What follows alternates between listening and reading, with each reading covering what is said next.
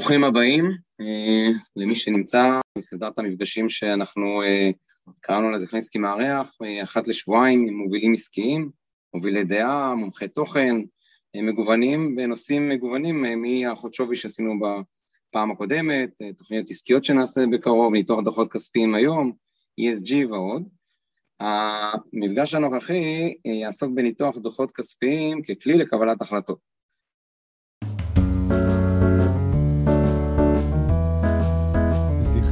מארח.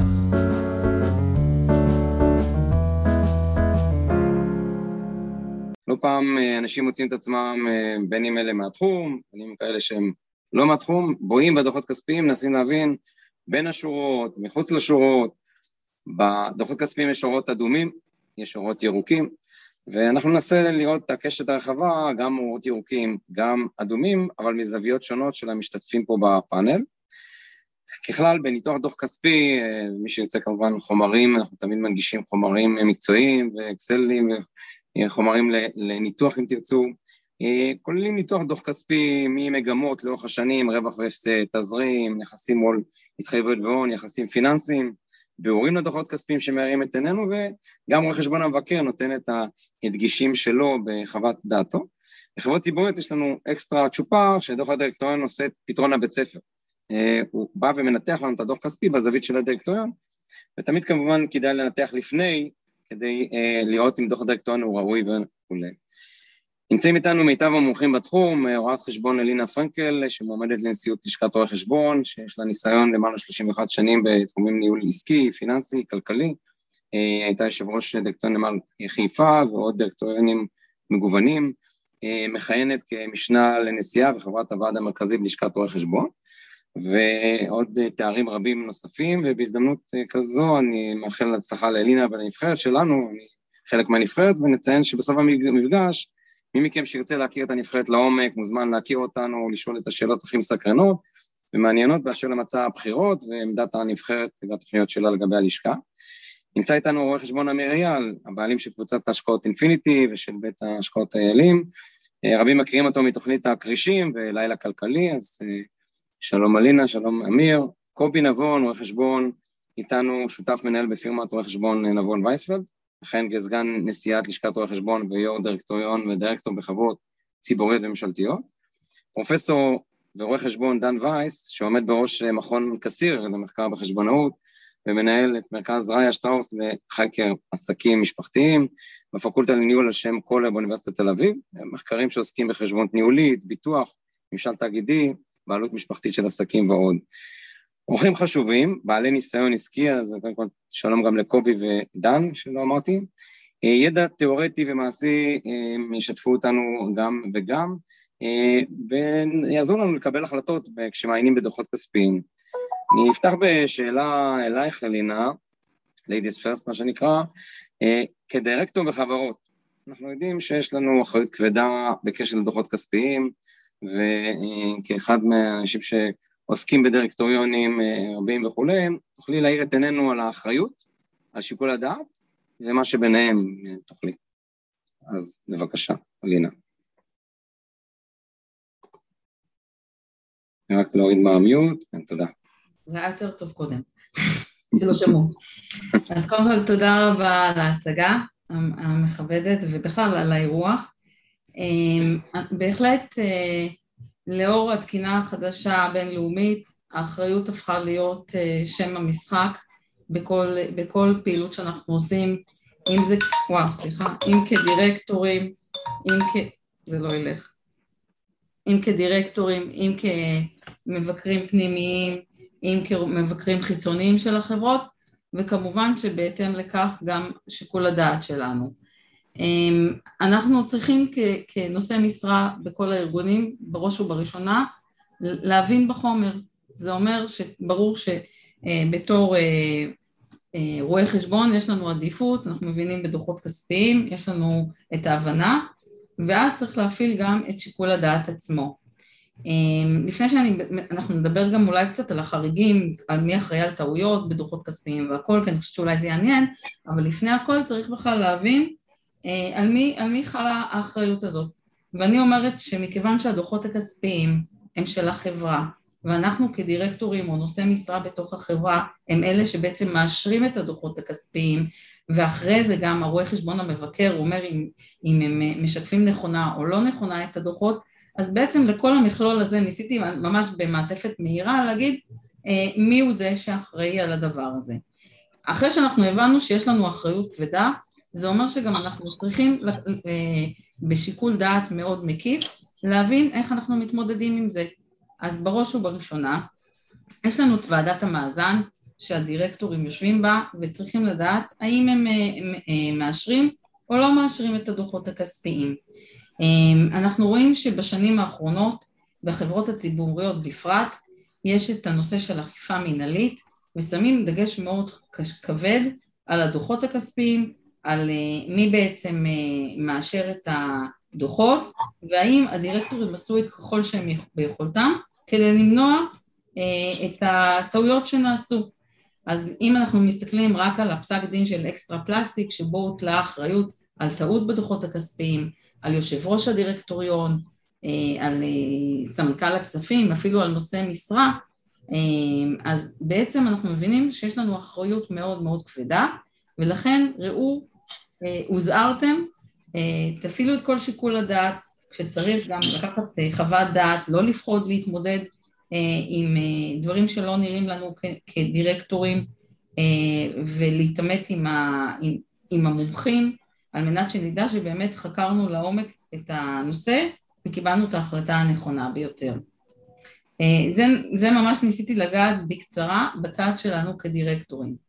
אם אנחנו מסתכלים מצד שני כרואה חשבון מבקר, אז רואה חשבון המבקר הוא בא לבדוק לעומק את הדוחות הכספיים, לראות קודם כל אם הדיווח הוא נכון, האם ההצגה של הנתונים היא נכונה ומשקפת כיאות את מה שיש בדוחות הכספיים, ולאחר מכן הוא מחליט אם הוא נותן חוות דעת חלקה או לא חלקה.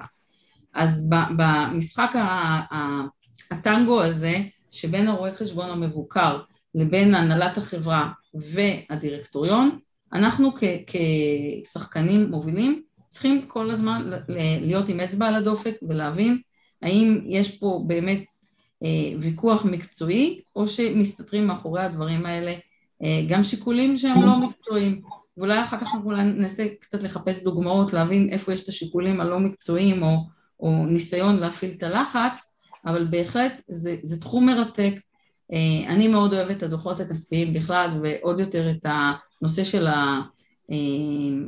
הדיווח היום כשאנחנו מפעילים כל כך הרבה שיקול דעת יש לנו באמת אמ, קבלת החלטות מאוד טובה, וצריך לאורך כל הדרך להשתמש בה. רוני, נגעת ברואי חשבון המבקר, ותמיד מאשימים את רואי חשבון המבקר, אומרים זה הדוחות שלו. עכשיו, בחברות פרטיות, בדרך כלל באמת הבעלים אומרים, הנה, דוח של רואי חשבון, בכלל אנחנו לא יודעים מה הוא עושה שם, זה שלו, בכלל לא שלנו, מתעלמים מהאחריות שלהם. בחברות ציבוריות כמובן צריכים להבין שזה לא ככה, ואני מקווה שאנשים מבינים, ומי שנמצא פה אני מאמין ש, שמבין. אמיר, אנחנו בכנס הקודם דיברנו על אחות שווי. ואתה איש שוק ההון שעוקב אחרי המספרים ופרסומים רבים ומגוונים, מעניין אותי הקשר בין דוח כספי, אם דוח כספי טוב, קשור לשווי בחברה, או שניתן לספר סיפורים, יוצרים שווי, ובכלל לא קשור מצב מה קורה בדוח כספי. או, זה, זה שאלת הטריליון, כבר לא מיליון דולר. טריליון? כן, זה, מה לעשות, מייקרוסופט היום זה 2.2 טריליון דולר כבר, אז אנחנו הבנתי. טריליונים. אתה אומר שזה אפילו לא ה unicorn. יוניקורן זה כסף קטן כבר, זה לא, זה לא בעניינים. אה, וזה נורא מהר, זה קרה נורא מהר הסיפור הזה. אה, תראו, אני תמיד אומר שבבואה של המחיר, אני אומר שהמחיר מקדים את זמנו. כלומר, כשאתה מדבר על אה, שווים בשוק ההון, אה, ואז אתה מחפש את הקורלציות לאנליטיקה שמבוססת על הדוחות הכספיים, הרבה פעמים בעין בלתי מזוינת אין שום קשר. הרבה פעמים דוחות נפלאים שמפורסמים אה, באים לידי ביטוי בירידת מחירים, בירידת שווי חברה, פוסט הפרסום שלהם. ולהפך, מכיוון שכשאתה מדבר על השקעות, אתה מדבר על כמו, כמו פסקול וסרט, משהו שמקדים, זה כמו ברק ורעם. אתה מסתכל קדימה, כי אומרים תמיד קונים על השמועות, מוכרים על העובדות. העובדות זה, שוק, זה, זה הדוח הכספי. לכן הרבה פעמים אין קורלציה בין דוח כספי מצוין לקורלציה חיובית, הכוונה, לבין אה, שווי בבורסה, שווי שוק. אבל לאורך זמן שמנטרל את הרעשים, בסופו של דבר התשואה על ההון, כפי שבא לידי ביטוי, קצב יצירת המזומנים כפי שבא לידי ביטוי בדוח תזרים, אה, אה, הביצועים של ההנהלה, הפרפורמנס לאורך זמן שבא לידי ביטוי בדוח הכספי, הוא זה בעצם שיקבע את השווי של האנטיטי שאתה, שאתה בעצם מסתכל עליו. לכן, אם אני מסתכל על הטווח הקצר, דוח כספי כזה או אחר, על פי כללי חשבונאות ועל פי, ועל פי הערכות שמרניות וכל מה שלא תרצו, לאו דווקא נראה את הבבואה שלו הסימטרית בשווי של הפירמה אה, אה, שנייה T פלוס 0 אחרי פרסומו. לפעמים נראה בדיוק הפוך. עכשיו, זה לא צריך לאכזב אותנו, אלה mm-hmm. כללי המשחק. זה גם לא צריך להוריד את החשיבות של הדוחות הכספיים מבחינתי. אומרת שדוח כספי בעיניי זה איזשהו מקום שנותן באמת למשקיעים ארוכי טווח את היציבות האנליטית לראות לאיפה הפירמה הזאת ואיך היא מנוהלת. כלומר, אני רואה מהמספרים האלה הרבה מעבר למספרים. אני רואה את הקונסיסטנטיות של הניהול ואת ה-KPI ואת העמידה. זאת אומרת, כשאני מנתח את הדוח הכספי ואני רוצה להסיק מסקנות השקעה, אז אני רואה הרבה מעבר לשווי החברה מחר בבוקר. לכן ההשתקפות של השווי מול הדוחות הכספיים זה לא דבר טריוויאלי. יש את הטווח הקצר שהוא די רנדום לעין בלתי מזוהרת, ויש את הטווח הארוך שבוודאי הוא כן קשור וכן משקף את התפתחות החברה דרך המספרים שלו. עכשיו, הטווח הארוך, אתה אומר, המשקל הוא די משמעותי, והטווח קצר, אה, כמו שאמרת, מקרי, כלומר אין, אין אפילו, הייתי מנסה לשים במשקלות, סיפורים בשוק, או... הוא לפעמים קורלציה, הוא לפעמים אפילו בקורלציה הפוכה, מכיוון שכשעושים את הדוח הכספי, נכון. אנחנו יודעים הרי, אני, אנחנו יודעים הרי, כשאתה בונה את הדוח הכספי ואתה מסתכל על התוצאות, אנחנו כרואי חשבון לפעמים רואים משהו, כשאנחנו עושים את הדוח הכספי, שיש מספיק אנשים אחרים שכבר יודעים מה מצב החברה באמת. Mm. הפרויקטים שלה בתהליך שעדיין לא באים לידי ביטוי בדוח הכספי, אבל בהחלט משפיעים על השווי שלה. לכן הרבה פעמים כשהדוח הכספי מתפרסם, כבר, אנחנו כבר קיבלנו בשווי שוק כבר את כל הדברים האלה בפנים, עוד לפני בכלל שיש דוח כספי, ודווקא כשמתפרסם הדוח הכספי מקבלים איזשהו מימוש, איזשהו הנחת רווחה או אכזבה מרגע, רגע, רגע, אנחנו עוד לא שם, אז, אז הנה הולכים רוורס.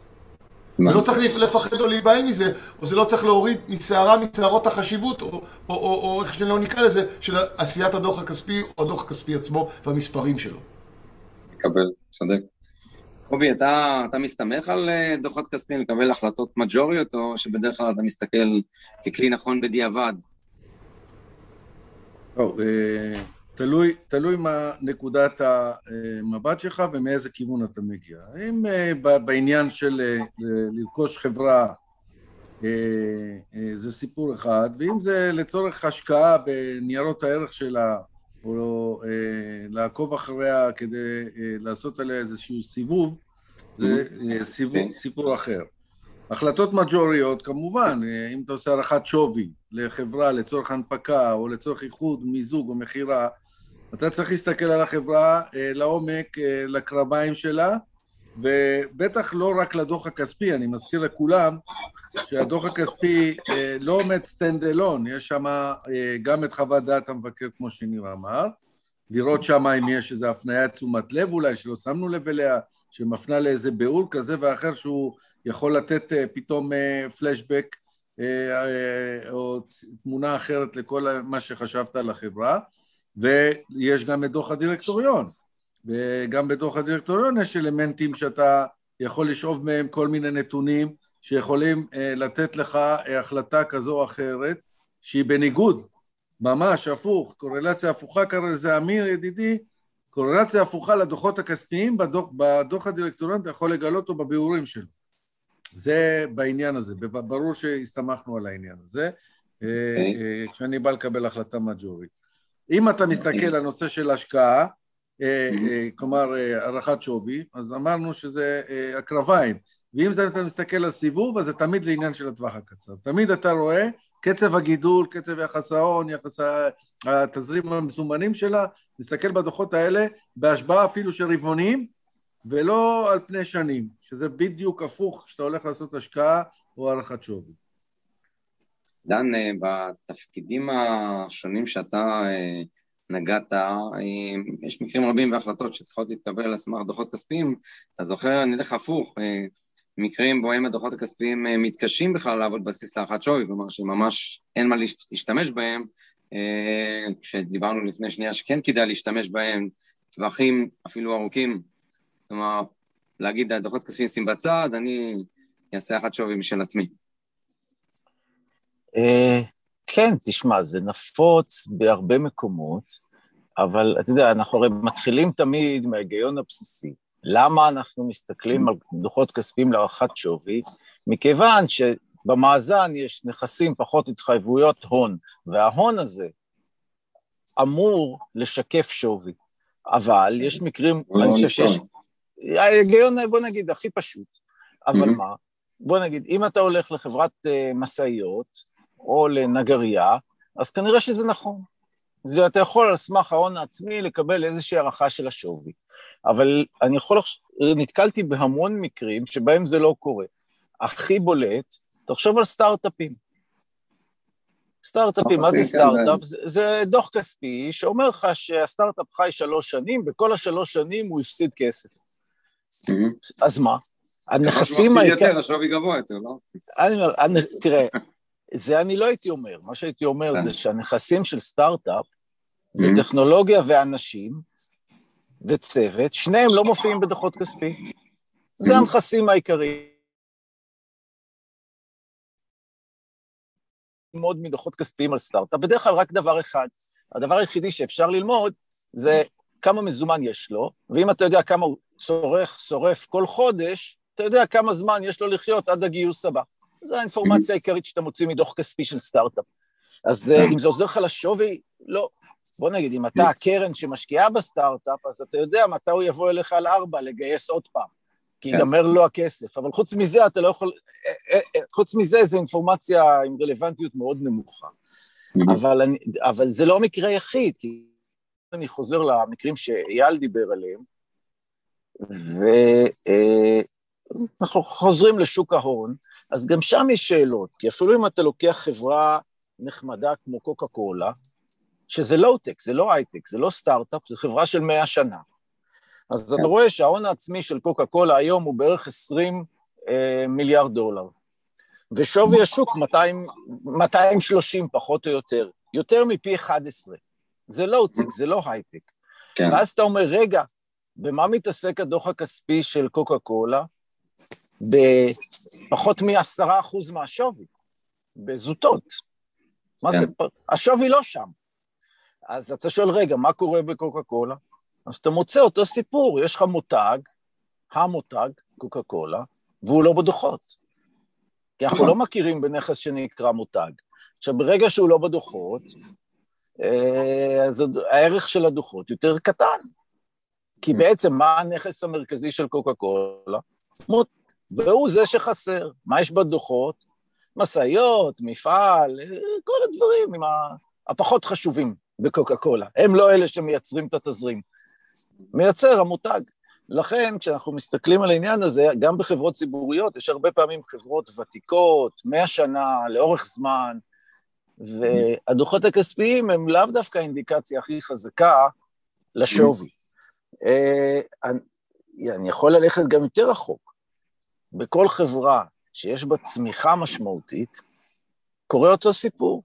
אם אנחנו מסתכלים על אה, טסלה, נכון? Mm-hmm. חברת צמיחה אולטימטיבית, אז אה, טסלה היום זה חברה עם סדר גודל שמתקרב ל-800 מיליארד דולר. חברת ענק. אתה מסתכל מה ההון העצמי שלה, 22 מיליארד. זה טסלה. מדהים. שווי השוק הוא פי 35 מההון העצמי. במילים mm. אחרות, הדוחות הכספיים זה כבר סופר זוטות. כי זה ברור שהשווי שהמשקיעים נותנים לטסלה לא בא מדוחות כספיים. כל זה למה? כי ברור, השווי נובע מהצמיחה שמצפים לה, שתהיה או לא תהיה. אבל זה מה שנותן את השווי. לכן, כשאני מסתכל על כל הדברים האלה, אני חושב שבסך הכל זה עוד מקרה ובחברות הציבוריות יש המון מקרים כאלה, שהראייה ההיסטורית של הדוחות זה לא בדיוק הדבר הכי חשוב לקביעת השווי. מקרה אחרון, שגם הוא, איך אומרים, מאוד רלוונטי לפעילות של הלשכה בזמן האחרון, זה חברות בדיסטרס. Mm-hmm. גם זה מקרה שהוא יכול לעבוד לצד שני, כי בחברות לדיסטרס, ההון גם לא מייצג את השווי, הוא יכול להיות אפילו מוטה כלפי מעלה, כי כל מיני נכסים שכן מופיעים במאזן, מוניטין, מותג שקנו, סימני מסחר שרכשו, כל זה פתאום יכול להתגלות כחסר ערך במימוש. לכן, בזמן דיסטרס, אה, שוב, הדוחות הכספיים יכולים לקבל הטיה מאוד גבוהה, ההון שבדוחות יכול לקבל הטיה גבוהה דווקא למעלה ולא למטה, כי שם השווי מימוש הוא החשוב. לכן כשאנחנו מסתכלים, יש, אני חושב שיש הרבה מאוד מקרים שבהם הדוחות הכספיים הם לא מקור האינפורמציה העיקרי לקביעת השווי. אוקיי, okay, תודה. ננסה לתת אה, זווית אה, אחרת לדוחות הכספיים ולאו דווקא בקשר רק לשווי. אה, אלינה, אם את יכולה לתת לנו קצת דוגמה אחת או שניים פיקנטיות, בעל שליטה אומר X, הדירקטור אומר Y, אין הסכמה ביניהם, איך פועלים במקרה כזה, כמה שיותר פיקנטי עדיף כמובן.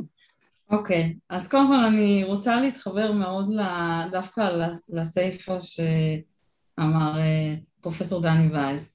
שדיבר על דיסטרס אה, ועל בעיות, וזה מהר מאוד מביא אותנו לדוחות הכספיים, הערת עסק חי, אוקיי? ובהערת עסק חי, קודם כל, אה, השאלה שלנו כדירקטורים, הראשונה שאנחנו שואלים, מתי אנחנו חושבים שכבר צריך להודיע הערת עסק חי, ואנחנו יודעים שהיום עם, ה, עם התקינה ועם הנושאים של חדלות פירעון בכלל, אז אה, רוצים שכמה שיותר מוקדם אנחנו נזהיר על הדברים האלה על מנת שבעצם אה, קוראי הדוחות ידעו להיזהר ולהיערך בהתאם. ומצד שני אנחנו יודעים שבדרך כלל כשמתחילים עם כל ההערות האלה זה הנבואה שמגשימה את עצמה ואז בעצם אנחנו כ- כדירקטורים יש לנו אחריות כבדה.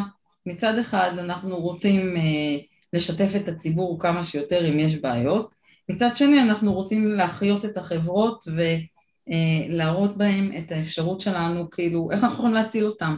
ולפעמים עצם הרצון שלנו לעזור לחברה לצאת מהמשבר זה לקחת סיכון יתר עלינו כנושא משרה כדירקטורים.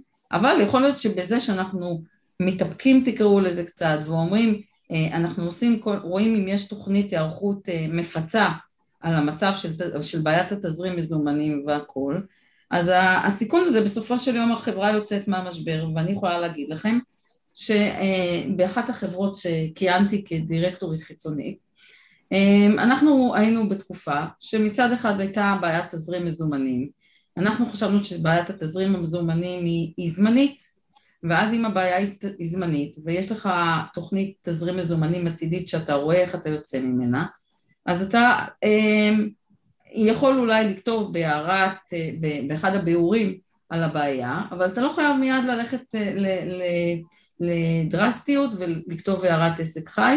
ונכון שהרואה חשבון הוא זה שאומר, אבל בעצם הדוחות הם של החברה, ולכן יש לנו אחריות מאוד כבדה על זה. ולכן אנחנו קיבלנו החלטה, לאחר שבחנו בצורה מאוד מאוד מעמיקה את התוכנית העתידית של החברה, הבנו שחלק מהירידת השווי של הנכסים היא זמנית, ולכן לא, לא חשבנו שצריך אה, ללכת ולרשום אה, הערת עסק חי. לחלופין, מקרה אחר של חברה אחרת, החברה הייתה במצב כבר כחברה שוטף, כחברה טובה, ואנחנו אה, ראינו שיש אורות מאוד אדומים, אה, פירעון של האג"ח אה, התחיל אה, להוות איום על החברה, בעל השליטה אומנם הזרים כספים, אבל חששנו שלא יעמדו בזה, וחשבנו שצריך עוד בטרום כל ה... תקראו לזה ההערות האחרות של הדוחות הכספיים, להתחיל לשבת עם, עם הבעל השליטה, לראות אם הוא מביא כסף מהבית או שאנחנו יוצאים ממערת עסק חי. באותו מקרה, בשלבים הראשונים באמת הבעל השליטה הזרים הרבה כסף ולכן לא הייתה הערת עסק חי, אבל ברגע שהרגשנו חשש, אז נאלצנו להגיד את הש... לבקש, לדרוש את זה.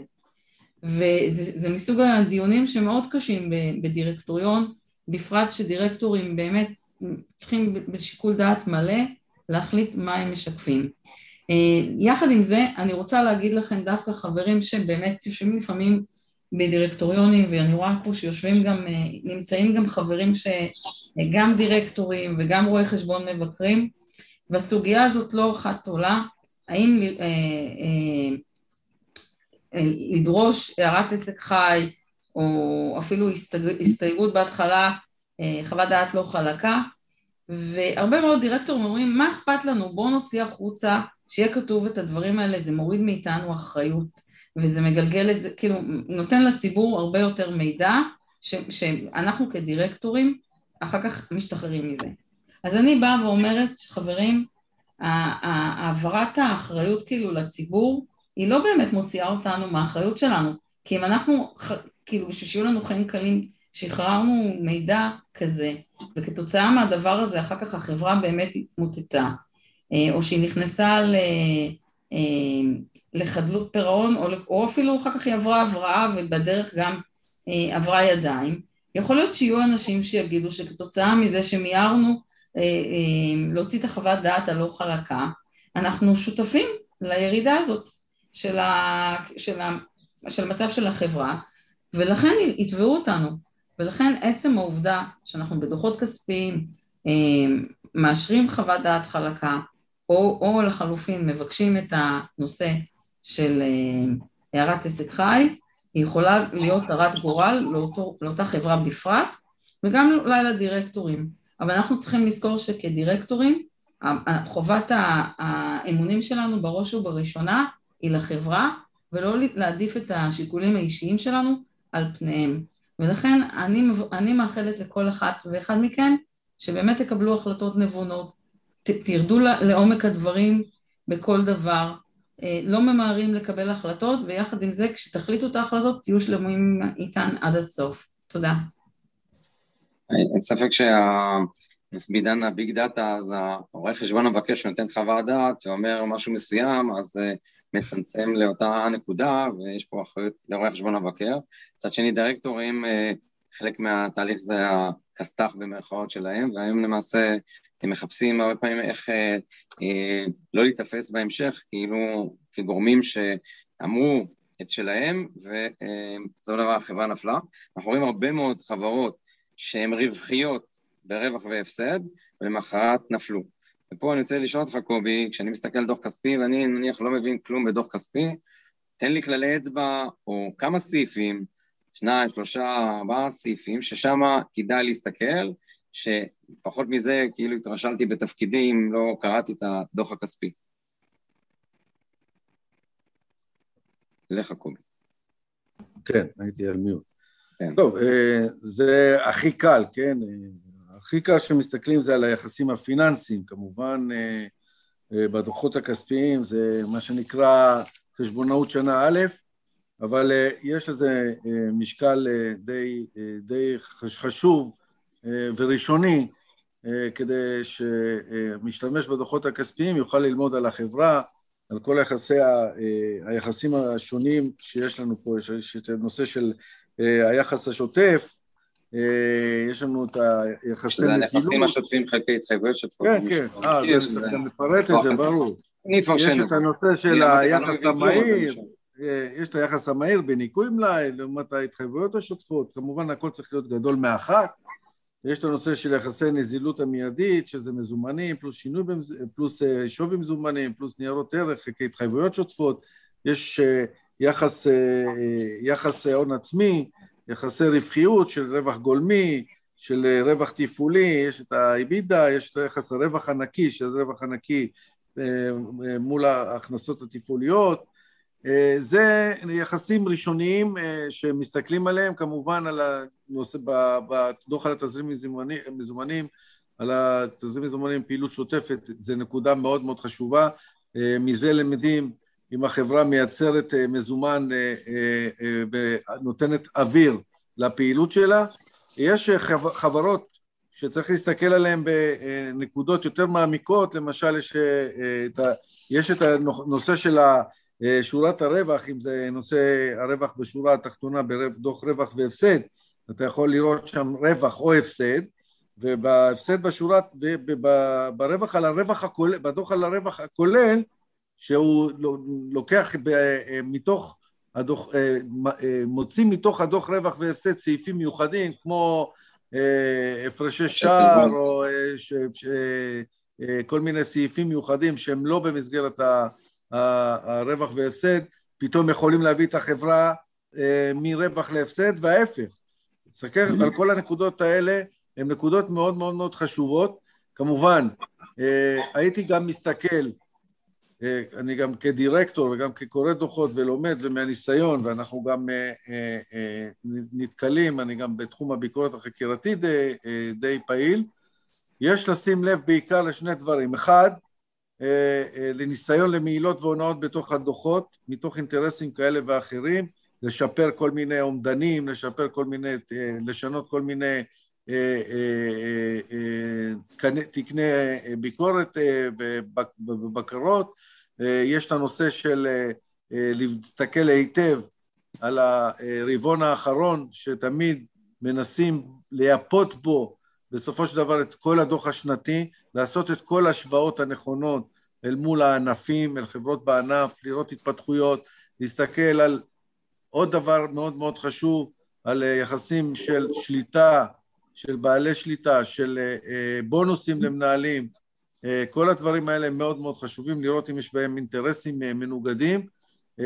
דבר נוסף וחשוב מאוד, צריך להסתכל גם על הדוח, יש, הוא לא, הוא לא, אנחנו לא מזכירים אותו בנתונים האלה שמסתכלים עליהם, גם על הסוקס, על האייסוקס, לראות אם היו שם בבקרה, בפעילויות של החברה אם היו שם חולשות מהותיות, אם יש שם ליקויים משמעותיים הם עלולים להשפיע אה, אה, על החברה, כמו אה, אי קיום של שומרי סף, אי מינוי של אה, אה, בעלי תפקידים אה, מהותיים בחברה, אה, או מעילות והונאות שהיו, אה, דברים כאלה מאוד מאוד חשובים בכדי אה, להבין מתוך הניתוח של הדוחות הכספיים לא אה, רק בנושאים של יחסים פיננסיים, אלא גם במעגל הרחב של הדוח, ולכן הסט הזה של הדוחות שהם אה, מציגים, למשל מציגות חברות אה, ציבוריות, הם לא רק הדוח הכספי, כמו שאמרנו, יש את הביאורים, יש את, יש את הדוח הדירקטוריון וגם את אה, דוח האפקטיביות של הבקרה הפנימית של הסוק.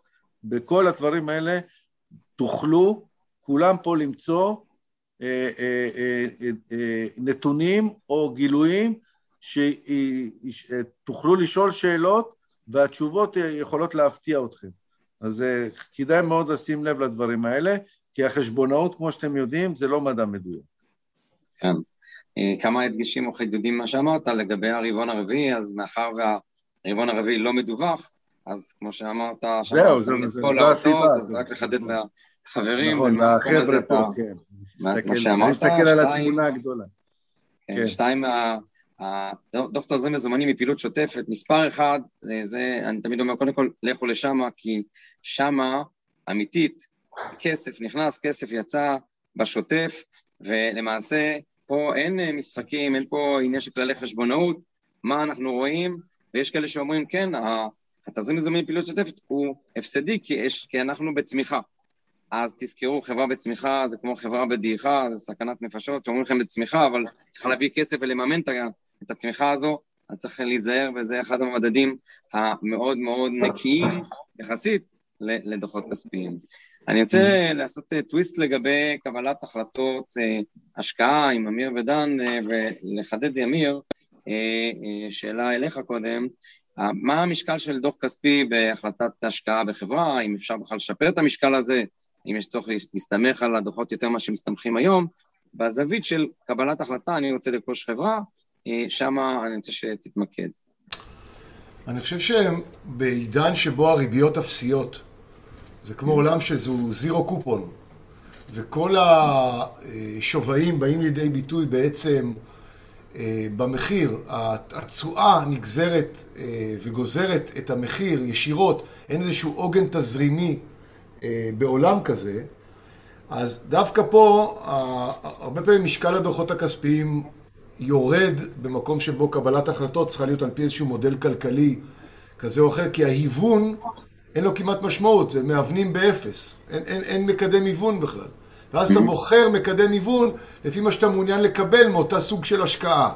אתה רוצה לקבל על אה, נדל"ן מניב אה, של חברה בגודל מסוים, אה, לשים לו תג, תג מחיר של היוון כזה, אז אתה עושה את זה, בעצם זה וולונטרי לגמרי, זה משחק פתוח לחלוטין.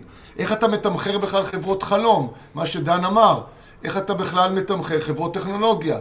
אנחנו למשל עושים את זה באמצעות איזושהי פורמולה של נגזרים. אנחנו מנסים לתמחר על ידי נגזרים את השווי, כי זה הרי אופציה. הרי אם ניר, אני ואתה ו- וביל גייטס יקים עכשיו, כל אחד יקים חברה מאפס, אוקיי? אז, כן. אז קרוב לוודאי שהשווי של חברה של ביל גייטס זה אותם דוחות כספיים. כנראה שהוא יקבל שווי הרבה יותר גבוה, כי האופציה הגלומה בהערכת השווי שתהיה על החברה שלו, תשקלל את היותו ביל גייטס על כל המשמעויות של זה. זה בכלל לא חשוב, לא קשור לדוחות הכספיים של החברה. כלומר. ככל שאנחנו נמצאים בעידן שבו הוואליואציות הן ואליואציות שהן נסמכות על ידי, אה, אה, על בסיס עולם שהוא זירו קופון גיים, אתה מקבל ניתוק מהתזרימי מזומנים, מה fundamentals, מהאנליטיקה ומהדוחות הכספיים. ו- ולכן פתאום יש הבחנה בין חברות שהן, אה, אני קורא להן התפוד הלוהט, כלומר, האחרון ש... זה עולה, עולה, עולה, האחרון שתופס אותו, חוטף את הכוויה, או חברות שאני קורא להן הנוסטרו הסובל. כלומר, זה חברות שיש להן מאזן ותזרים, ואתה מתמחר אותן כמו שצריך, ואתה יודע, עושה להן cash flow, והכל מסודר וכולי וכולי. זה פשוט דיסציפלינות אחרות. וזה אומר שגם העולם הזה מקבל גיוון בדרך שבו אתה יכול לתמחר, לתמחר ערכים אה, ובכלל לשים לב לדוחות הכספיים אה, אה, מבחינת המשמעות שלהם בהערכות שווי. זאת אומרת, בעצם קיבלנו עולם היום, שוב פעם, הכל נובע מכך שמחירי הכסף הם אפס. כן. כי בעצם אין מקדמי היוון משמעותיים כדי להתבסס עליהם במודלים. אז כל אחד עושה את המודל שלו. הדוח הכספי נהיה כבר איזשהו משהו שהוא לא כל כך באופן ישיר קובע את הדרך שבה אתה מתמחר את החברה. כי יש המון עניין של אופציות ושווים ומוניטין גלום ועלום, שהוא בעצם קובע אה, אה, כמה אתה מוכן לשלם על כל אנטיטי. גאון אה, מסכים איתך, זה מתחבר גם למה שזאב אה, שאל לגבי IP, אז יש כל מיני מרכיבים שלא נכנסים בשווי של דוח כספי, אני עונה לך, אה, זאב, אה, IP נכון, זה באמת לא בדוח כספי, אלא אם כן שילמת עליו ואז הוא מופיע, אבל עדיין לא בשווי האמיתי שלו, מתחבר לכל העקרונות שדיברנו מקודם, אה, ועוד ציין גם בהקשר אליך קובי, אז חיים נתן, חיים כהן נתן הדגש לגבי הנושא של חוב, הלוואות, יחסי כיסוי, מינוף, כל מה שאנחנו רואים היום עם כל התספורות, תגלחות, קצוץ קצוץ, תספורת ספרדית, איטלקית, you name it, אין ספק שאחד מהדברים, נתת את זה ככה אה, מהר, אבל אה, נותן אה, דגש על יכולת פירעון. כלומר, יש צורך להסתכל קדימה, וגם הרשות ניירות ערך דורשת שאם יש בעיית פירעון בעתיד, אז צריך לציין את זה במסגרת הדוח התקופתי, אם זו חברה אה, ציבורית. דן, אני רוצה לשאול אותך, אה, אה, מסתכל אה, על אבידה, כשאני בא לחברה, אז אה, אתה רוצה לעשות קבלת החלטה על בסיס אבידה, אז אתה בא ואומר, מתאים לי ללכת על אבידה, אז אתה מנסה לשכנע את הצד השני שזה הכלי, ויש כאלה שיגידו, לא, מה, מה זה אבידה, לא מבין מה זה המונח הזה, אבידה זה רווח תפעולי, ותוספת פחת להפחתות, מנסים להתקרב לתזרים, אבל עדיין רחוקים מהתזרים. והאם אבידה שמבוסס על דוח כספי בכלל יכול לשמש אה, כלי לקבלת החלטות אה, השקעה, מבחינתך? אתה יודע מה, אולי, ניר, ברשותך, כן. מכיוון שאנחנו בנוכחות שיא ברגע הזה של 111 אנשים, אז אני אנצל, אז אני אנצל את ההזדמנות לברך את... לא, אני אומר, אני אנצל את הרייטינג לברך את, ה... את אלינה, כמובן אותך, ניר, את אה, אמיר ואת קובי, אה, להצלחה גדולה בבחירות, דבר ראשון. אה, תודה, תודה רבה. דבר אוקיי. ראשון. ועכשיו, איך אומרים, ואחרי שקורית ההצלחה, נחזור גם לענייני האבידה. תראו, בוא נשקיע. זה עוד כן. רווח, דן, זה עוד רווח, אתה דיברת על רווח, אז אתה מדבר על עוד רווח. רווח לא מוחשי. בדיוק, בדיוק, בדיוק. תראו, אני אסתכל על הרווח, אני אומר, תראו, אבידה זה מין חיה מוזרה. למה? חשבונאים לא באמת צריכים אבידה, יש דוח תזרים. אז מי שהתכוון לדעת מה התזרים של חברה, יכול לפתוח דוח תזרים, לקחת תזרים מפעולות, זה כתוב שם. עכשיו, אה, הרבה חברות משתמשות באבידה, זה מין ניקניים כזה, זה דבר שמכיוון שדוח התזרים של החשבונאים לפעמים קשה להבנה, אז האבידה הזה זה מין מספר אצבע נורא קל. עכשיו, מה שאני מציע, עכשיו, בדרך כלל מה שאני מציע, כשמראים לי, שואלים אותי לגבי החלטות המבוססות איבידה, אני אומר, תראו, בואו נבדוק מה המרחק בין האיבידה הזה לרווח אה, נקי, לפעמים רווח כולל. ואתה בא ומסתכל, ואתה אומר, תשמע, אם המרחק סביר, זאת אומרת שהוצאות המימון, המיסוי, כל מה שנכנס שם, הפחתים, סביר כמקובל בתעשייה, אז אתה אומר, בסדר, אז הבנתי שהאיבידה הזה הוא איך אומרים, בפרופורציה סבירה לתעשייה. אבל יש חברות, ואתה רואה, למש... לפעמים אתה רואה את זה בצורה קיצונית, שיש להם איבידה שהוא נראה מאוד גדול, אבל נגמר בהפסד. אין רווח למטה. אתה מסתכל על הרווח למניה, שלילי. אה, המקרים האלה, ה EBITDA הוא פשוט מטעה. זה ממש לא רעיון טוב לקבל החלטות במצב, לקבל החלטות על סמך EBITDA כשהחברה בהפסד. לכן כשאנחנו מסתכלים על זה, ה בסך הכל הוא כלי מאוד מסוכן, הוא מאוד tricky. רואי חשבון אין להם סיבה להשתמש בו. יש להם דוח תזרים, יש להם רווח, לא צריך מעבר לזה. התוספת של האבידה היא לגמרי שולית. כלומר, כל מי שיבוא אליי יגיד לי, אני רוצה על בסיסי בידה, לא משחרר, או שמנצלים את זה לטובת אה, החלטת השקעה כשאתה רוצה. להגיד אה, מילה מיוחדת כזו. אני, תראה, איבידה, תראה, לקבל החלטה על בסיס אבידה, עוד פעם, תלוי. יש מקרים שהוא ישרת את הקונה ויש מקרים שהוא ישרת את המוכר. בשני המקרים האלה, בשני המקרים האלה צריך להיזהר מזה. הצד השני בייחוד, הצד השני צריך להיזהר מזה. למה? כי אם, המוכ... אם צד אחד מנופף לך באבידה, תבדוק את הרווח למטה. הרווח הכולל, הרווח למניה, תראה מה יש שם. אם זה נראה בסדר, תואם את מה שאתה רואה באבידה, על הכיפאק, סע הלאה. אם פתאום הבידה מראה לך מספר ענק והחברה מפסידה, תתחיל להיזהר. אוקיי. אה, כמה מילות uh, סיכום uh, שלכם, אם יש למי מכם, ואני גם כמובן עונה לצ'אטים תוך כדי, אבל אם יש עוד שאלות נוספות מהקהל, אז נשמח לשמוע, יש לנו עוד תשע דקות, אז טיפים אחרונים בנושא של ניתוח דוחות כספיים, הסתכלות נוספת, אם מי מכם רוצה, וגם הקהל, מוזמן כמובן. לפני שאני אסכם את המפגש, יש עוד משהו? לי יש שאלה, שלום, קוראים לי אורית. היי אורית. היי. אני חושבת שאמיר אמר על אם ביל גייטס, אמיר וניר היו עכשיו מתחרים על סטארט-אפ כזה או אחר. היית נותנת לנו שווי יותר, אני אומר. הייתי, חבל על הזמן, וקודם כל אני, מצ... אני מצטרפת לברכות לאלינה ולצוות, ושיהיה בהצלחה גדולה. אוקיי, אה, אני רוצה שנייה באמת, שנייה רגע באמת לבדוק את הנושא של המשאב האנושי. אה, אוקיי. ואנחנו כולנו, אנחנו מסתכלים על המספרים, עד כמה, בעיקר בהחלטות השקעה, או אם אני משקיע גם, גם בטווח הקצר, השתמשתם בסבב הקצר, או בכלל בהש... בהחלטות השקעה של, לא יודעת מה, מוסדיים, קרנות, בתוך uh, חברות. עד כמה הנהלת החברה מהווה פקטור, ואני אקח את זה יותר, uh, אני אקשה, מה קורה שהשוק לא מאמין בהנהלת החברה, אבל אולי קצת במוצר או, ב, או ב, בוא נאמר בתעשייה. איך אתם מתייחסים לסוגיה הזו? אני, אני רוצה ברשותכם, אה, ברשותך, אני...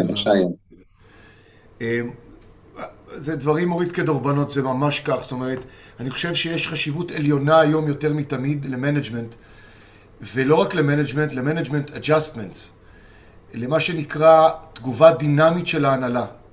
זה לא רק הנהלה, זה הנהלה שמסוגלת לייצר ולתמוך ולבצע שינוי. בעולם כל כך דינמי, המודלים העסקיים משתנים תוך כדי תנועה. אלה שלא עשו את זה, בלוקבאסטר, קודק, נוקיה, אנחנו רואים לאן הם הגיעו. פתאום נהיה נטפליקס. אגב, נטפליקס הייתה על השולחן של בלוקבאסטר. בלוקבאסטר אמרו אין מצב, זה לא יקרה. אנחנו... ברור שלא נלך על השקעה כזאת. אה, זה לא רק הנהלות צריכות ומקבלות פרמיה, יש הנהלות שמקבלות דיסאג'יו ועמוק. גם אם הדוחות הכספיים טובים, הם תמיד נסחרים בדיסאג'יו. זה כמו שתמיד חברות החזקה, תמיד נסחרות באיזשהו סוג של דיסאג'יו, אוטומטית. כי אתה אומר, אם, אם רוב, רוב ההחזקות שלהם החזקות שכירות, אני אבחר את ה, מתוך ה basket את ה cherry, ואני אחזיק אותו ישירות, ולא, אלא אם כן יש להם החזקות לא סחירות או פרטיות, ששם כנראה יש ערך, אז אני אקנה את חברת ההחזקות, כי אין לי ברירה אחרת. אבל כן, ל management, וגם ה management, ההנהלה נבחנת היום בעיניים אחרות. זה לא הנהלה שעשתה טוב. זה לא הנהלה שהביא את החברה עד הלום. זאת הנהלה שיודעת לעשות שינויים כדי להביא את החברה גם קדימה למקום אחר. אני יכול לתת לכם דוגמה, שוב פעם, אין לי שום עניין, אני רק אומר ב disclaimer שעלול ועשוי להיות לי עניין, כי אני עוסק בהשקעות. קחו את הראל ויזל בפוקס. האיש לא מפסיק לחדש ולשנות, שוב פעם, לא דיברתי איתו, גם לא הכנתי את זה מראש, זה פשוט, יש, זה קופץ לי, יש לי עוד כמה דוגמאות. ואני לא, אין לי איזה פוזיציה שאני, שאני משווק כרגע, אבל זה יכול לקרות, אני אומר את זה כ disclaimer, אבל, אבל אין לי איזה משהו כזה. הוא עושה התאמות כל הזמן. אתם רואים את הפרמיה שהוא מקבל בשווי מול הדוחות הכספיים. אתם רואים את, ה, את הדוח הכספי שלו וההון העצמי שלו, ואין קורלציה בכלל ל-value שהוא מקבל בברנדים החדשים שהוא מוציא, עכשיו שהוא הנפיק חברה חדשה. ולכן אתה רואה הנהלה שיודעת לעשות שינויים, לשנות את המודלים העסקיים, להגיב לעולם, להגיב לשוק, אלה מקבלים פרמיות אדירות בשווי חברה, הרבה מעבר לכל פרמטר אנליטי אחר. תודה, אמיר, על התשובה המלומדת. אורית, קיבלת תשובה מספקת מבחינתך? חבל על הזמן. מעולה, תודה. אה, עוד אנשים נוספים שמעוניינים לשאול, להעיר, להתייחס? כן, דוד דקל, אם אפשר. בכבוד, דוד. אה, שלום לכולם, אני מצטרף מאמסטרדם. אה, שליחנו באמסטרדם. מפגש קודם היה בלונדון, היו לנו מפגש מצוין. כן. כן. לגבי מה ש... נדמה לי שאלינה אמרה את זה קודם לגבי בית משפט, עם איזו פסיקה לגבי דירקטוריון והאחריות שלו לנכונות או דיוק הדוחות הכספיים.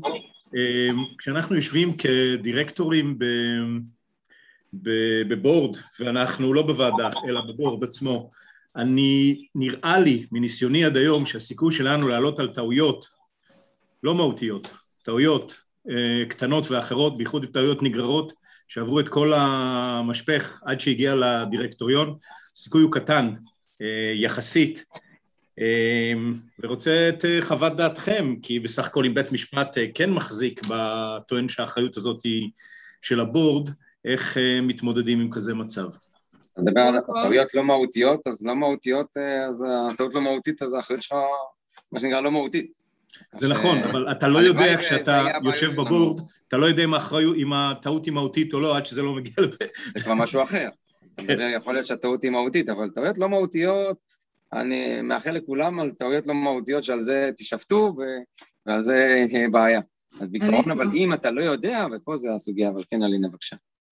אני אשמח לענות על זה כי זו סוגיה שאנחנו, אני חוזרת לנושא של הכן מהותי, לא הלא מהותי. אמ, אנחנו כדירקטורים נשפטים קודם כל בזמן אמת מה המידע שיש בידינו, מה התהליך שעשינו, האם אנחנו בחנו בצורה נכונה, האם הקדשנו את הזמן הראוי לסוגיה, האם אנחנו בדקנו גם את הדוחות הכספיים, גם דיברנו בישיבות ועדת המאזן על כל התהליכים, לא שופטים אותנו על קבלת ההחלטות שלנו ועל המסקנות, שופטים אותנו על הדרך. ולא לא אחת ולא פעמיים, כשישבתי עם שופטים וגם כשהבאנו שופטים לכל מיני כנסים של לשכת רואי חשבון, ודוד אתה השתתפת בהרבה כנסים, אני יודעת, ובהחלט השופטים באים ואומרים, החוכמה היא של, של אותו דירקטור, או גם אותו נושא משרה, אם זה עם סמנכ"ל הכספים שהגיש את הדוחות האלה, היא לראות האם כל הדברים האלה נבחנו בזמן אמת. אין ספק שהמידע בהנהלה הוא תמיד יותר מעמיק מאשר המידע שיש לאותו דירקטור שהוא מתארח, אה, מתארח או, או בא לישיבות המאזן. יחד עם זה, אנחנו לא יכולים לצאת אה, מידי חובה מזה שנגיד שאנחנו היינו רק שעתיים או שלוש ו- ו- ו- והיו אורות אדומים ולא העמקנו את המידע.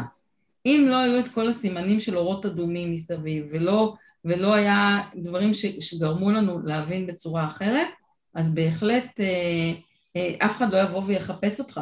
וגם כשאירחנו בכמה כנסים את אילנה ליפסקי מודעי, שהיא אחראית בעצם על, אה, על האכיפה ברשות ניירות ערך, היא אמרה, אנחנו לא מחפשים אתכם על דברים ש, שכאילו ככלב ציד, אנחנו רוצים שאתם תהיו את הכלב שמירה, שתבדקו את הדברים בצורה מהותית ותראו שהם מסתדרים או לא מסתדרים, ובהתאם לכך תקבלו את ההחלטות.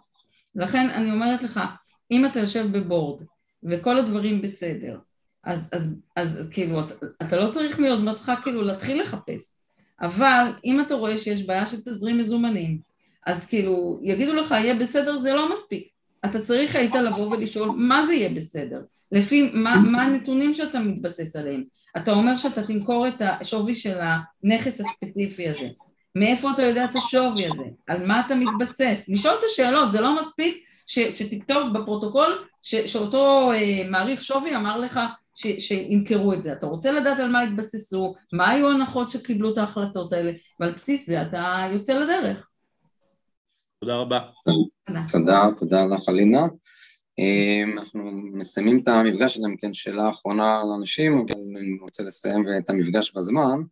אמ, אנחנו למעשה אמ, בסדרת המפגשים, היום אה, נגענו בדוח כספי ככלי לקבלת החלטות, אה, שהמטרה לתת כמה זוויות אה, לניתוח דוח כספי, בין אם זה להחלטות השקעה, בין אם זה הערכות שווי, ובין אם זה תהליכים שמאפשרים לנו להבין קצת יותר לעומק את החברה.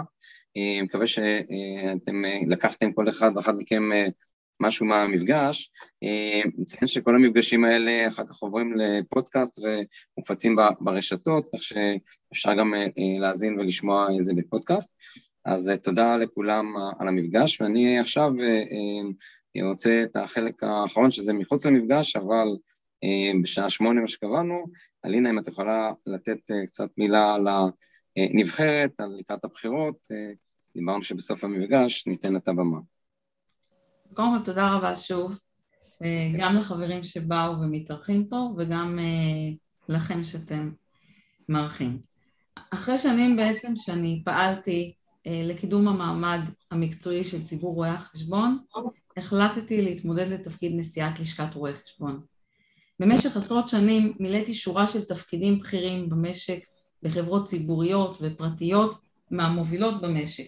כמו תנובה, IDB, הייתי, הייתי סמנכ"ל הכספים וחשבת של תנובה ו-97 תאגידים הקשורים, דירקטורית חיצונית ב-IDB פיתוח, אלביט הדמיה, נציגת ציבור ברשות החשמל, שזו הרשות שמפקחת על חברת החשמל, יושבת ראש דירקטוריון נמל חיפה וחברות מובילות נוספות.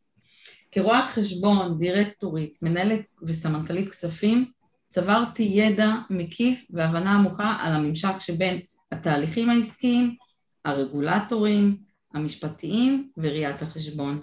אני למדתי להכיר את המקצוע מכל זווית מקצועית אפשרית ולזהות בעצם את הפוטנציאל החדש שיאפשרו לנו כרואי חשבון את ההתרחבות המקצועית.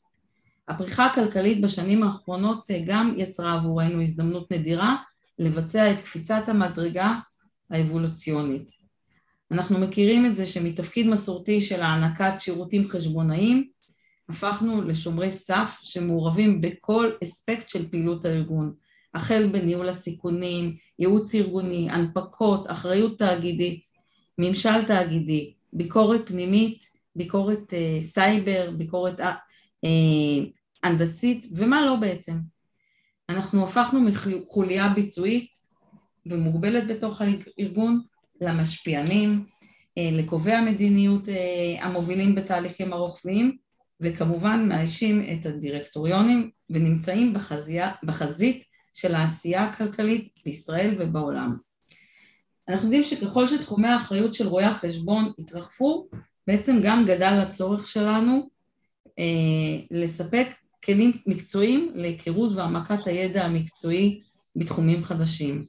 כיושבת ראש המכון להשתלמויות ולימודי תעודה כשלשכת רואי חשבון, הרחבתי באופן דרמטי את מערך ההשתלמויות, ההדרכות והכנסים, ויזמתי תוכניות העשרה מגוונות.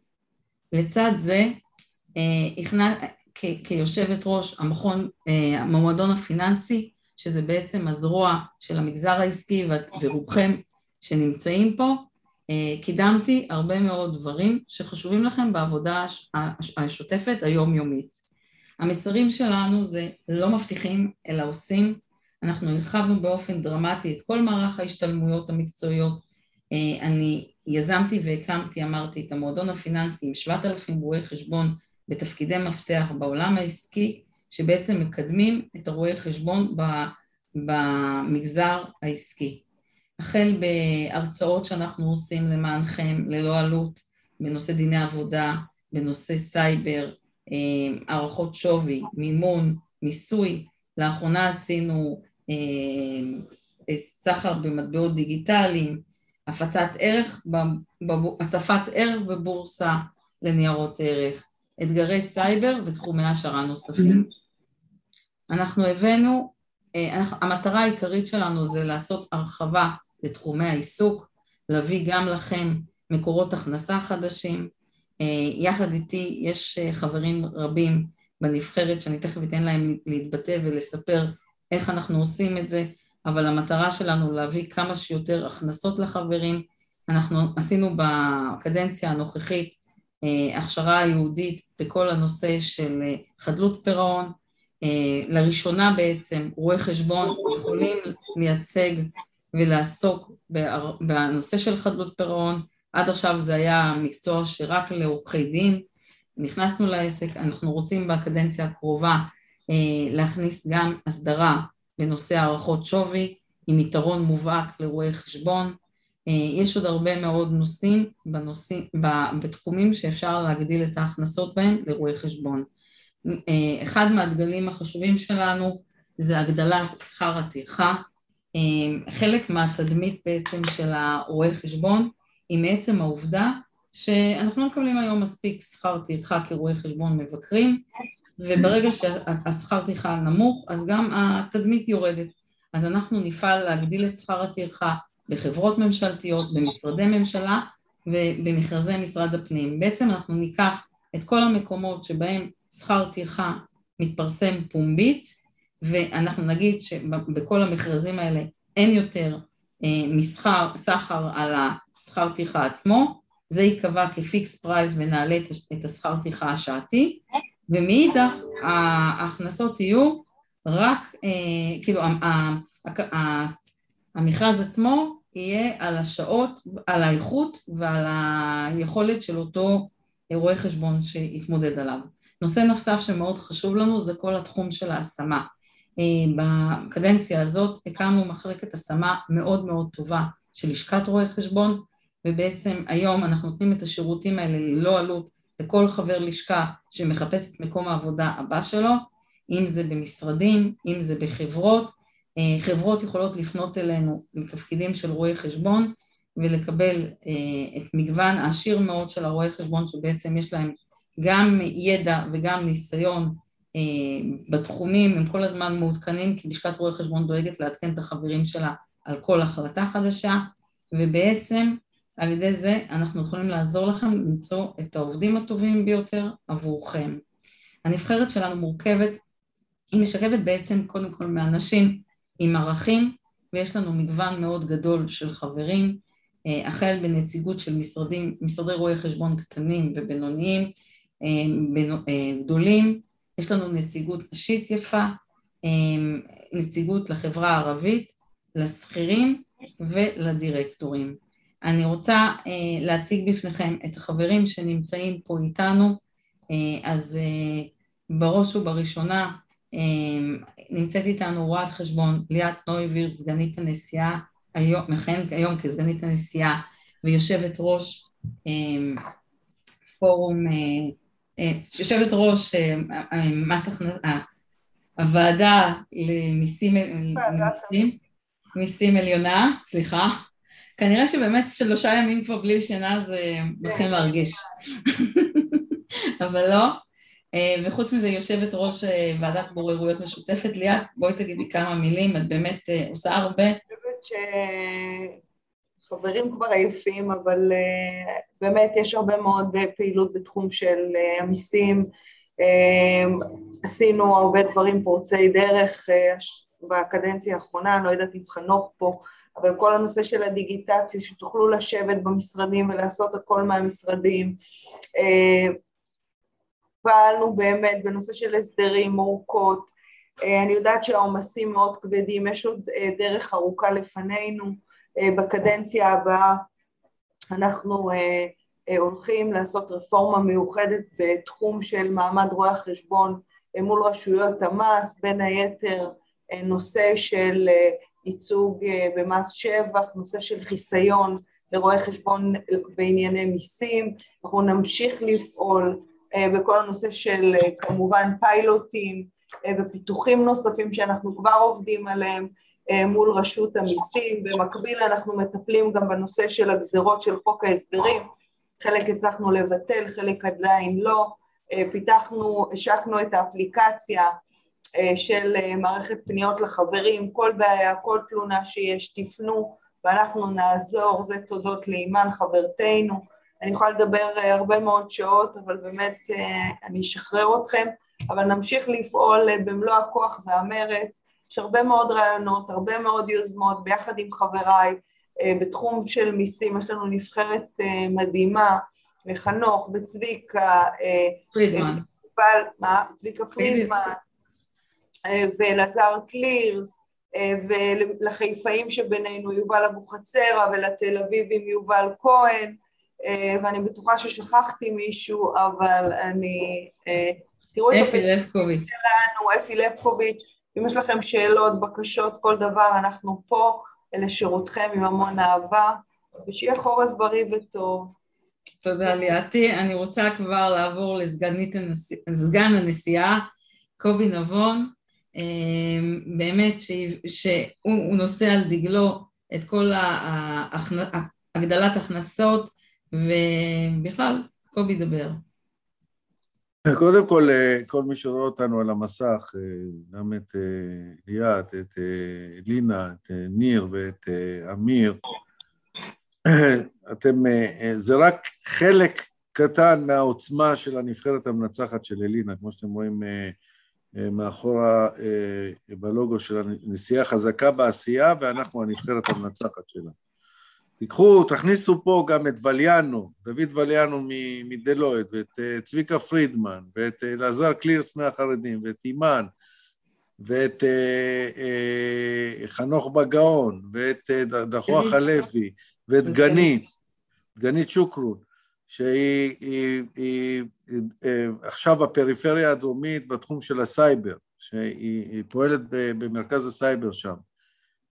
יש לכם פה נבחרת שיש בה את כל הגיוון, כמו שאלינה אמרה, והיא נכונה ומוכנה לפעול למען החברים באמת ובתמים ולמען העשייה, ולא למען שום דבר אחר, אין פה שום עניין אישי, אנחנו אנשים שהולכים עם האמת ועם הצדק ועם היושר. זה המכנה המשותף של כולנו.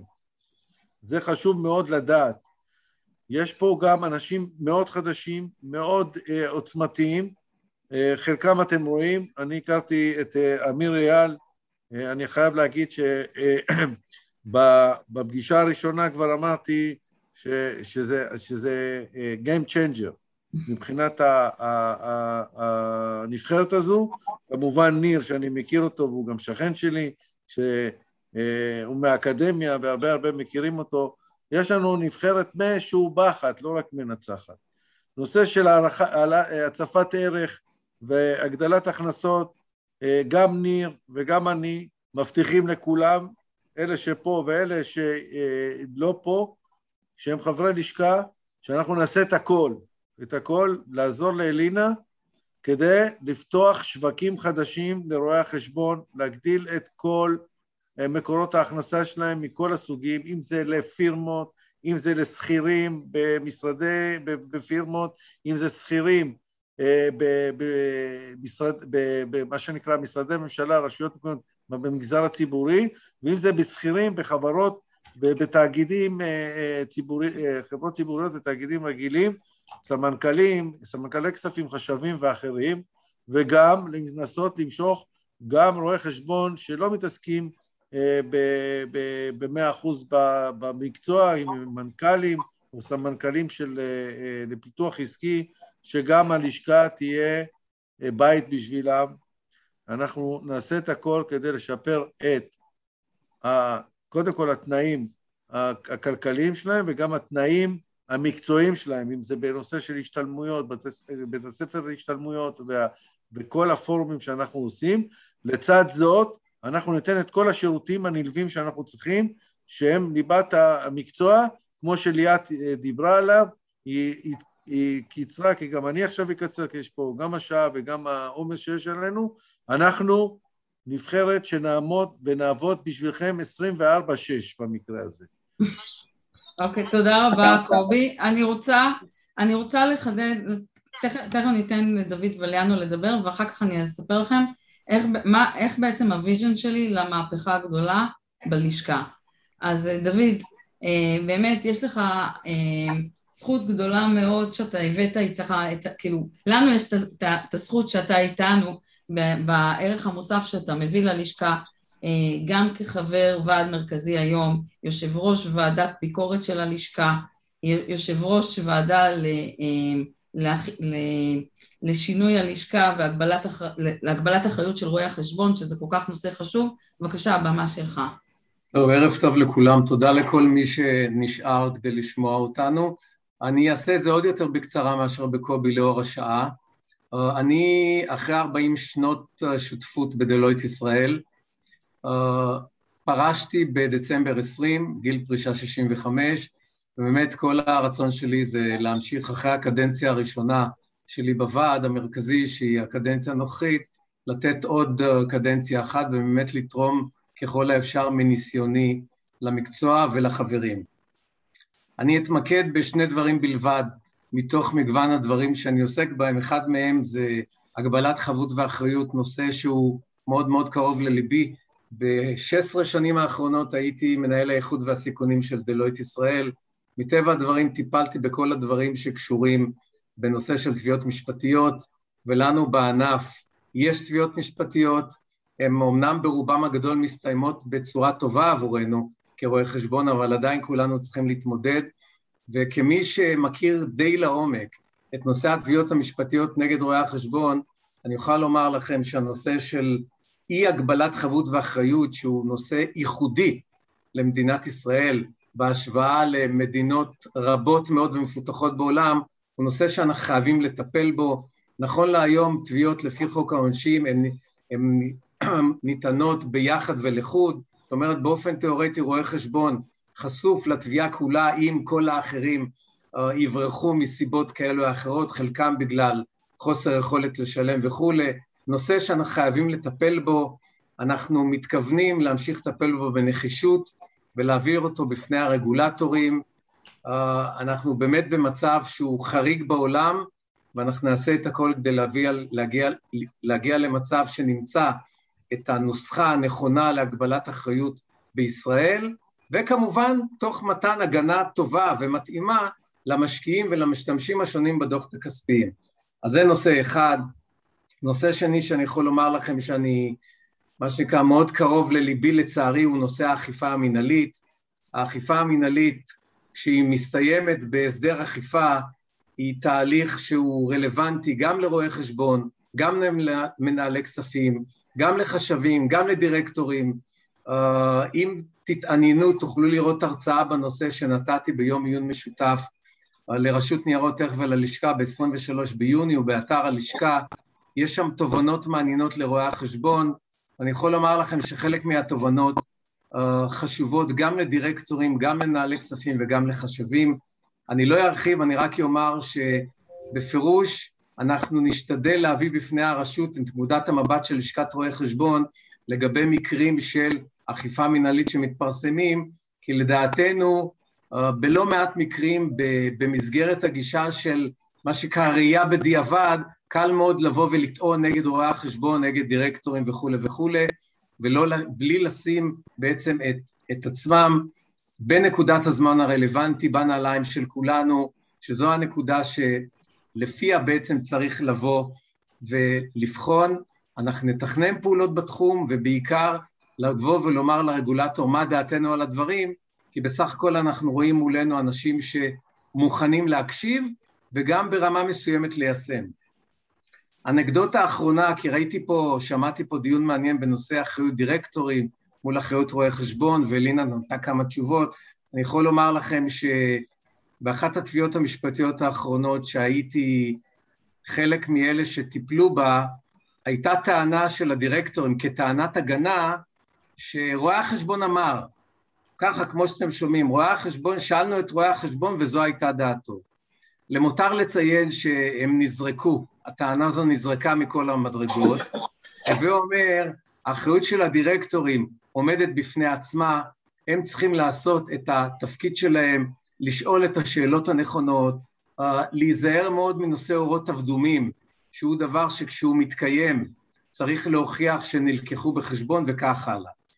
שמתי מטבע הדברים כמה נושאים שבהם אני מתמקד, מתכוון להתמקד, אבל יחד עם הדברים האחרים כמובן שבתוכנית העבודה של, של הנבחרת של אלינה, קובי תיאר בצורה טובה מאוד את דעתו, שהיא גם דעתי על הנבחרת הזאת, זו הסיבה שאני רץ עם אלינה, ובתור מי שבעצם פרש מדלויט, ונכון להיום עיסוקי האחרים הם גישור ובוררויות, אבל אני משאיר גם הרבה זמן באמת לנושא של פעילות בלשכה, כי בסך הכל 40 שנה זה היה הבית שלי, 40 שנה, זה המקצוע שהתפרנסתי ממנו, ואני מקווה להמשיך ולתרום לטובת כולם. אז תודה לכם, ואני אודה לכם מאוד על התמיכה בי, וכמובן באלינה, לנשיאות הלשכה ובקבוצה שלה. דוד, תודה. אני רוצה להגיד לכם, מבחינתנו באמת כמועמדים לפעילות בלשכת רואי חשבון, הפעילות בלשכה היא שליחות ציבורית עם כל הלב, והמטרה שלנו באמת להביא את המקצוע הזה אה, לרמה גבוהה יותר, שהתדמית שלו תחזור להיות מאוד מאוד גבוהה. התחלנו את זה כבר בקדנציה הזאת. אני מתנצלת שיש לי טלפונים, אני, אבל אני איתכם, אוקיי? ואין פה טלפון שאני יכולה לענות, אז uh, מתנצלת. כנראה שבכל זאת, אה, לא חושב. אז uh, אני אומרת, אנחנו רוצים להחזיר את תדמית המקצוע. בתקופ... בקדנציה הזאת עם איריס באמת אנחנו התחלנו בזה, עצם העובדה שבחרו ברואי חשבון כמקצוע חיוני, זה כבר הביא את הדבר הזה, אבל בשביל להעלות את התדמית מעבר להעלות את השכר טרחה ועוד הרבה דברים אחרים, צריך גם רוח חדשה שתהיה בדירקטוריון ותביא את הרעיונות האלה. אה, כי לקחת את אותם אנשים שישבו כל השנים בתור פעילים בלשכת רואי חשבון, לא יביא את השינוי. אם אנחנו רוצים שינוי אמיתי, צריך להכניס לתוך, לתוך הדירקטוריון שמוביל אנשים נוספים עם חשיבה אחרת.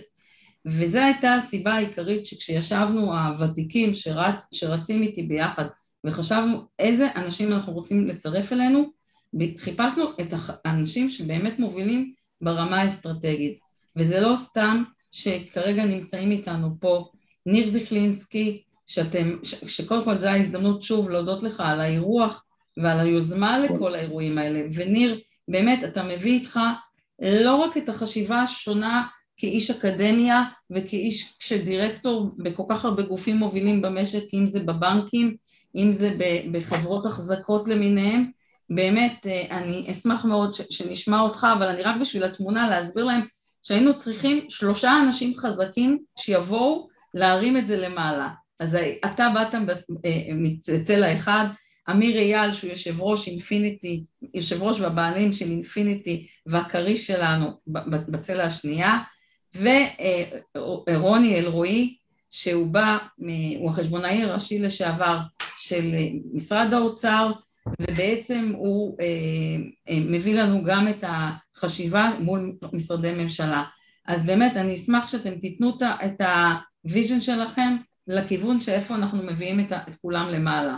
ניר, בתור המעריך שלנו, תתחיל אתה. אסכם רק, כבר כולם דיברו, ואני לא אוסיף יותר מדי, כי כבר נתתם הרבה, ואנשים פה עייפים, אבל התפיסה שלי להצטרף לנבחרת, קובי אמר את זה קודם וגם כתבנו על זה מאמרים לאורך התקופה, הנושא של הצפת ערך למקצוע ראיית חשבון ויצירת פרנסה, זה מה שאני מתעסק ביום-יום בכלל במקצועות שונים, בכלל במדינת ישראל, הרבה מאוד מקצועות ניסיתי וחלקם גם יצרתי פה בישראל, מקצועות שקשורים לחשבונות הממשלתית, שהובלתי את כל הכתיבה של החשבונות הממשלתית, לימים הפך להיות הדוח הכספי של מדינת ישראל, שלקחו את החשבונות וייצרו מזה, ויש פרנסה עם לעורך חשבון, דרך הנושא של ESG, שהכנסתי מ-99 והיום זה כבר שפה, זה גם לא סתם הצבעים בלוגו, האדום הכלכלי, הירוק החברתי,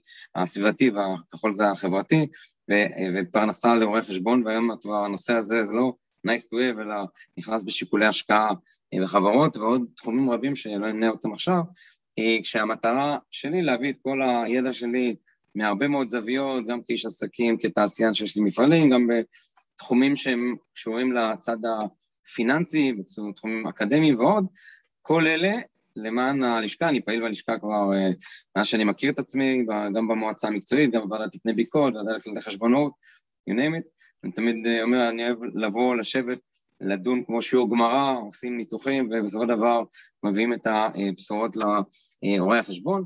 אז מבחינתי העשייה, השילוב הצד העסקי והחברתי והעשייה החברתית למען הלשכה זה חלק מהאג'נדה השוטפת שלי, וזה מה שעושה לי כיף, ולכן אני בא פה בכיף, ואנחנו נעשה גם דברים יפים בכיף, ואני מאמין שאנחנו גם נהיה שם.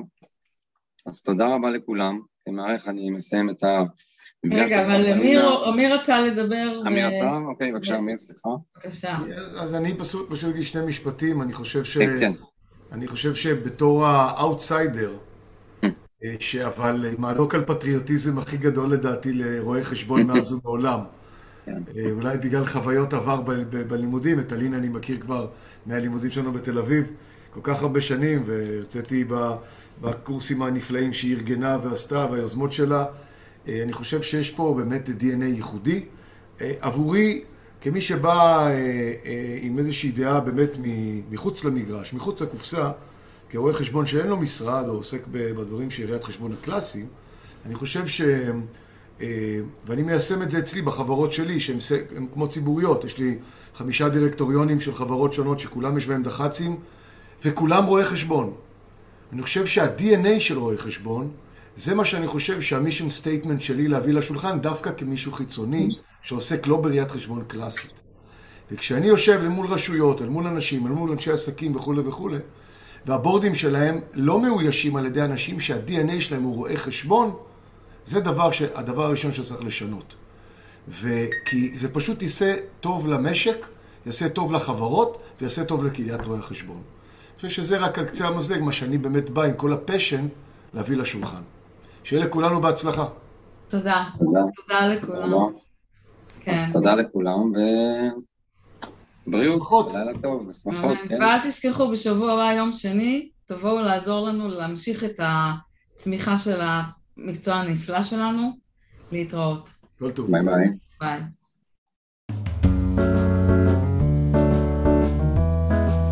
זיכלינסקי מארח